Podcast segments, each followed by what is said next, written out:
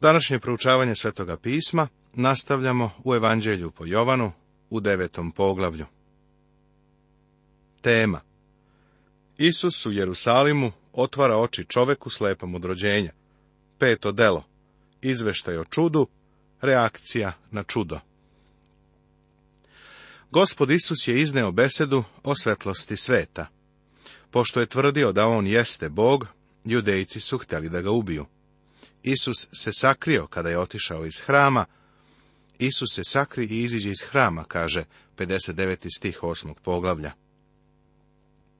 Bilo je čudo to što je uspeo da izbegne razjarenu gomilu. Njegovo vrijeme još nije bilo došlo, pa oni nisu mogli da svoje ruke stave na njega, da ga uhvate. Događaj koji sada sledi predstavlja nastavak besede o svetlosti sveta neprijatelji gospoda Isusa nisu vidjeli to svetlo, jer su bili duhovno slepi. Ni slepac nije video, čak i kada je onaj koji je svetlost sveta stajao pred njim. Ali Isus će mu se otkriti. Pre nego što slepac progleda, oči moraju da budu isceljene i obnovljene. Svetlost treba da se primi. Mora postojati prijemnik, baš kao i pošiljevac svetlosti. Imali smo običaj da se prepiremo oko buke. Ako u šumi padne drvo, a niko ne čuje, da li ima buke?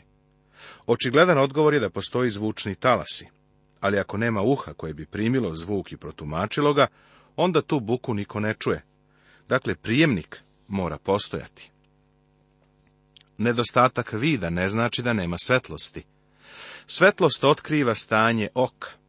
Svetlost sveta otkriva stanje duše. Fariseji su mislili da vide, ali su bili slepi. Ima jedna priča o minskoj eksploziji u državi zapadne Virginije u Americi. Eksplozija je ljude zavila u potpuni mrak.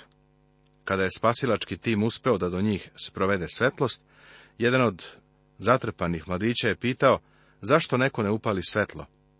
Svi su u čuđenju gledali, a onda su shvatili da ga je eksplozija oslepela. U tami nije znao da je slep. Svetlost je i njemu i drugima otkrila da je slep. Upravo na to je Isus mislio u 39. stihu ovog poglavlja. Ja sam došao na ovaj svet za sud, da vide koji ne vide i da postanu slepi oni koji vide. Svetlost otkriva pravo stanje. Oni koji su slepi, a to ne shvataju, sada mogu saznati da stvarno jesu slepi. Jedan istaknuti član engleskog parlamenta je poveo gospodina Burka, koji je bio politički lider, veliki govornik, da sluši doktora Bleka, najvećeg propovednika u Škotskoj. On je nadahnuto propovedao uzvisivao gospoda Isusa Hrista.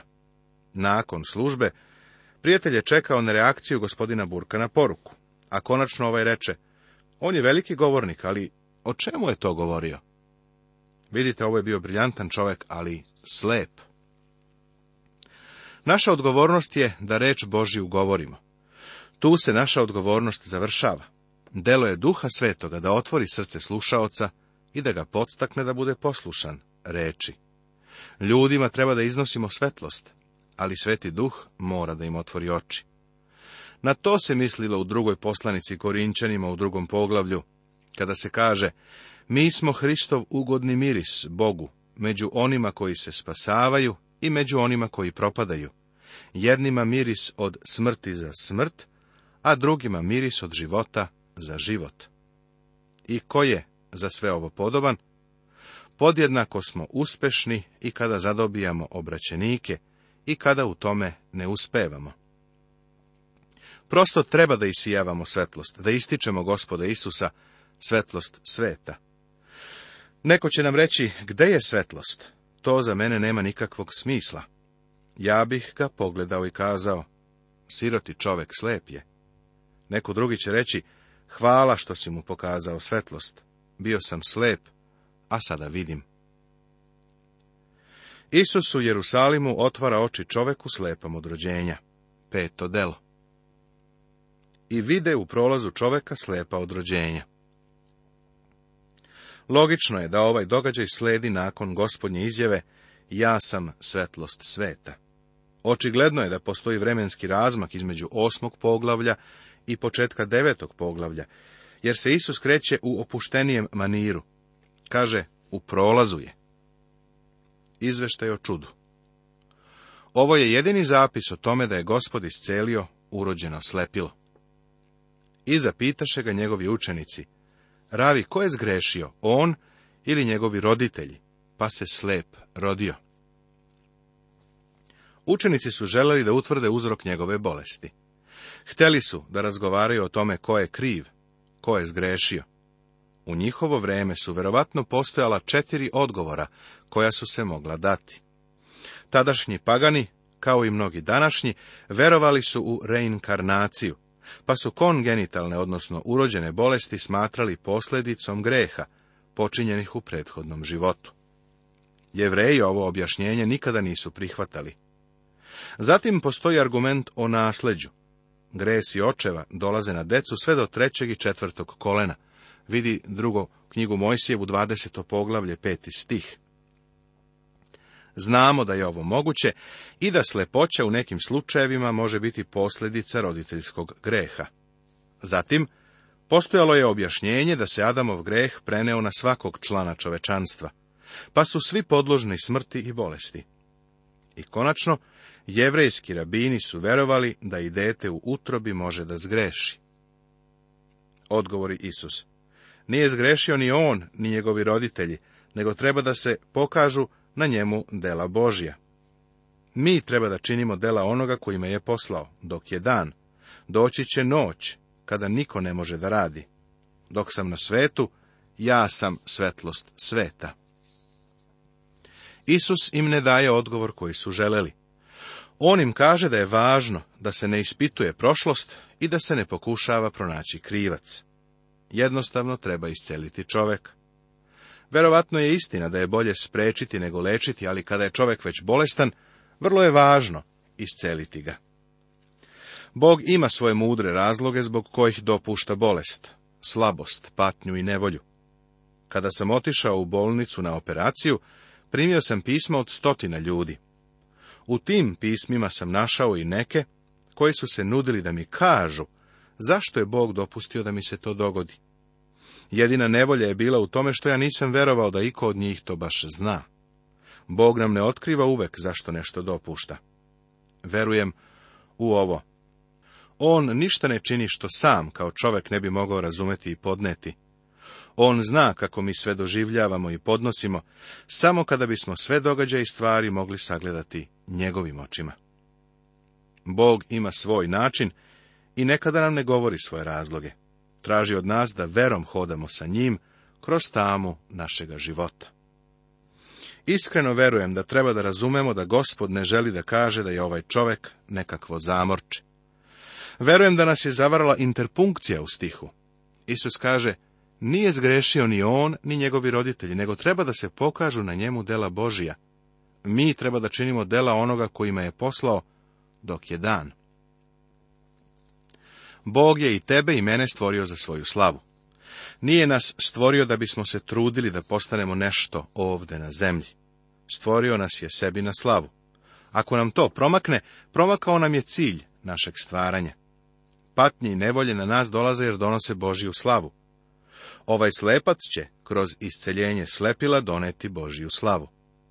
Ne samo da će slepac progledati, samo pomisli koliko će nadalje uživati u životu, nego će i vidjeti Isusa Hrista i upoznaće ga kao spasitelja.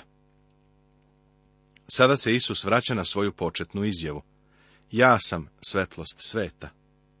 Tama čini da je sav svet slep, niko ne vidi. Hristos je duhovna svetlost sveta i bez njega svi su slepi. Ali sve dok je na svetu, on je svetlost sveta. On je i danas na svetu, prijatelju dolazi nam u osobi Svetoga Duha. Ako Sin Boži kroz Svetoga Duha ne otvori naše oči da bismo vidjeli duhovne stvari, ostaćemo slepi kao slepi miševi. Rekavši to, pljunu na zemlju, načini kal od pljuvačke, te pomaza kalom njegove oči, pa mu reče. Idi, umiji se u Siloamskoj banji, što prevedeno znači poslan. On ode i umi se, te dođe gledajući. Hristos je dotakao slepog čoveka, a slepac je morao da posluša Hrista. Hristos mora da dotakne naš duhovni vid i donese novi život duhovno mrtvom optičkom nervu. Ovde nije pitanje ko je zgrešio. Svi su zgrešili i tako su lišeni slave Božije, kaže poslanica Rimljanima u trećem poglavlju. Ako Hristos nije dotakao tvoje oči, onda ne vidiš. U samim crkvama ima mnogo ljudi koji su slepi, a to ne znaju. Ljudi mi pišu i kažu da su mesecima slušali naš program poučavanja iz Biblije. Onda se iznenada njihove oči otvore, pa progledaju. Poput onog sirotog mladića u eksploziji mine, ima i onih ljudi koji stoje na svetlosti reči Božije i kažu, što neko ne upali svetlo? Upravo je to uradio Pontije Pilat, pitao je, šta je istina? a stajao je pred onim koji je rekao ja sam put, istine i život. Treba da dozvolimo Hristu da dotakne naše oči, da bismo vidjeli. Zapazit ćeš da je Hristos dotakao ovog čoveka, iako ga čovek još uvek nije video. Zatim mu je Isus rekao da ode da se umije, i čovek je to poslušao. Mogli bismo se pitati zašto je Isus upotrebio ovakav metod za isceljenje ovog čoveka. Mislim da, imam neko, da ima nekoliko razloga. Prvo, ovo evanđelje pred nas iznosi istinu o Hristovom božanstvu, ali nam predstavlja Isusa i kao čovek. Isus je govorio o svom božanstvu, a sada dotiče slepca, čovek čoveka. Slepac je morao da posluša gospoda Isusa Hrista ako je želeo da pogleda. Treće, gospod Isus ga je poslao na banju koja se zvala Siloamska. Jovan navodi opasku da Siloam znači poslat. Čak i ime banje svedoči o tome da je otac poslao Isusa. Možda Isus saopštava ovom čoveku da je njega Isusa poslao otac, pa sad on isto tako šalje čovek. Četvrto. Slepom čoveku je bila potrebna voda da bi progledao. U mnogim delovima Svetoga pisma voda predstavlja reč Božiju. Čvrsto sam ubeđen da obraćenja ne može biti bez Božije reči. Reči tvoje kad se jave prosvetljuju i urazumljuju proste, kaže psalam 119. Peto. Jevrejima je bilo potrebno ovo svedočanstvo, jer u 29. stihu kažu Mi znamo da je Bog govorio Mojsiju, a ovoga ne znamo odakle je. Kroz ovo isceljenje slepca treba da vide da Isus jeste bogo čovek poslat od oca. Želeo bih da istaknem da ovde nije važno pitanje metoda isceljenja čoveka. Važna je osoba koja isceljuje. Isus otvara oči. Na slepcu je bilo da poveruje i posluša. Isus je koristio različite metode isceljivanja ljudi. Ako je metod bio dodir, onda je isceljeni čovjek insistirao na tome da svako treba da doživi isto iskustvo koje je on imao. Otišao bi pevajući na meni dodir njegove ruke. Kada je Isus druge isceljivao, ne dotičući ih, oni bi ubeđivali druge da čovjek ne treba ništa da doživi, čak ni Hristov dodir. Govorili bi da su Isusove reči jedino što je potrebno. Oni bi išli pevajući, samo ti, brate, veruj. A zatim ovaj slepi čovjek bi svima njima rekao da nisu u pravu. Rekao bi im, on treba da vas dotakne, a onda treba da odete do banje da se umijete. Tako bi on pevao, Hajde da se skupimo pokraj reke. Reći ćeš mi da je ovo potpuno absurdno, glupavo, smešno. Svakako jeste. Ali ja danas poznajem mnogo slepih ljudi koji su spremni da se prepiru oko neophodnosti određenog obreda ili iskustva da bi bili spaseni. Međutim, jedino što je važno jeste da dođu Hristu, da poveruju u njega da mu budu poslušni. Onoga ko ide k meni neću izbaciti, kaže Jovan u šestom poglavlju. Važna je ličnost gospoda Isusa Hrista. Želeo bih da ovde zastanem i uporedim stanje slepog čoveka sa našim stanjem kao grešnika, dok još nismo bili spaseni. Prvo. Slepac je bio izvan hrama, odvojen od Boga. Seti se da je apostol Pavle u poslanici Efescima u drugom poglavlju rekao da smo bili otuđeni od izraelskog društva, bez udela u obećanim zavetima, nemajući nade i bez Boga u svetu. To je stanje svakog čoveka pre nego što doživi spasenje, bez Boga, bez nade, otuđen. Drugo, čovek je bio slep, nije mogao da vidi spasitelja. John Hancock je slušao propoved jednog drugog čoveka zasnovanu na tekstu Ja sam vrata. Ako ko uđe kroz mene, bit će spasen. Dok je išao prema kući, razmišljao je, uvek sam se divio ovom propovedniku, ali ga večeras nisam shvatio. Impresionira me kao veliki propovednik, ali ga večeras nisam shvatio.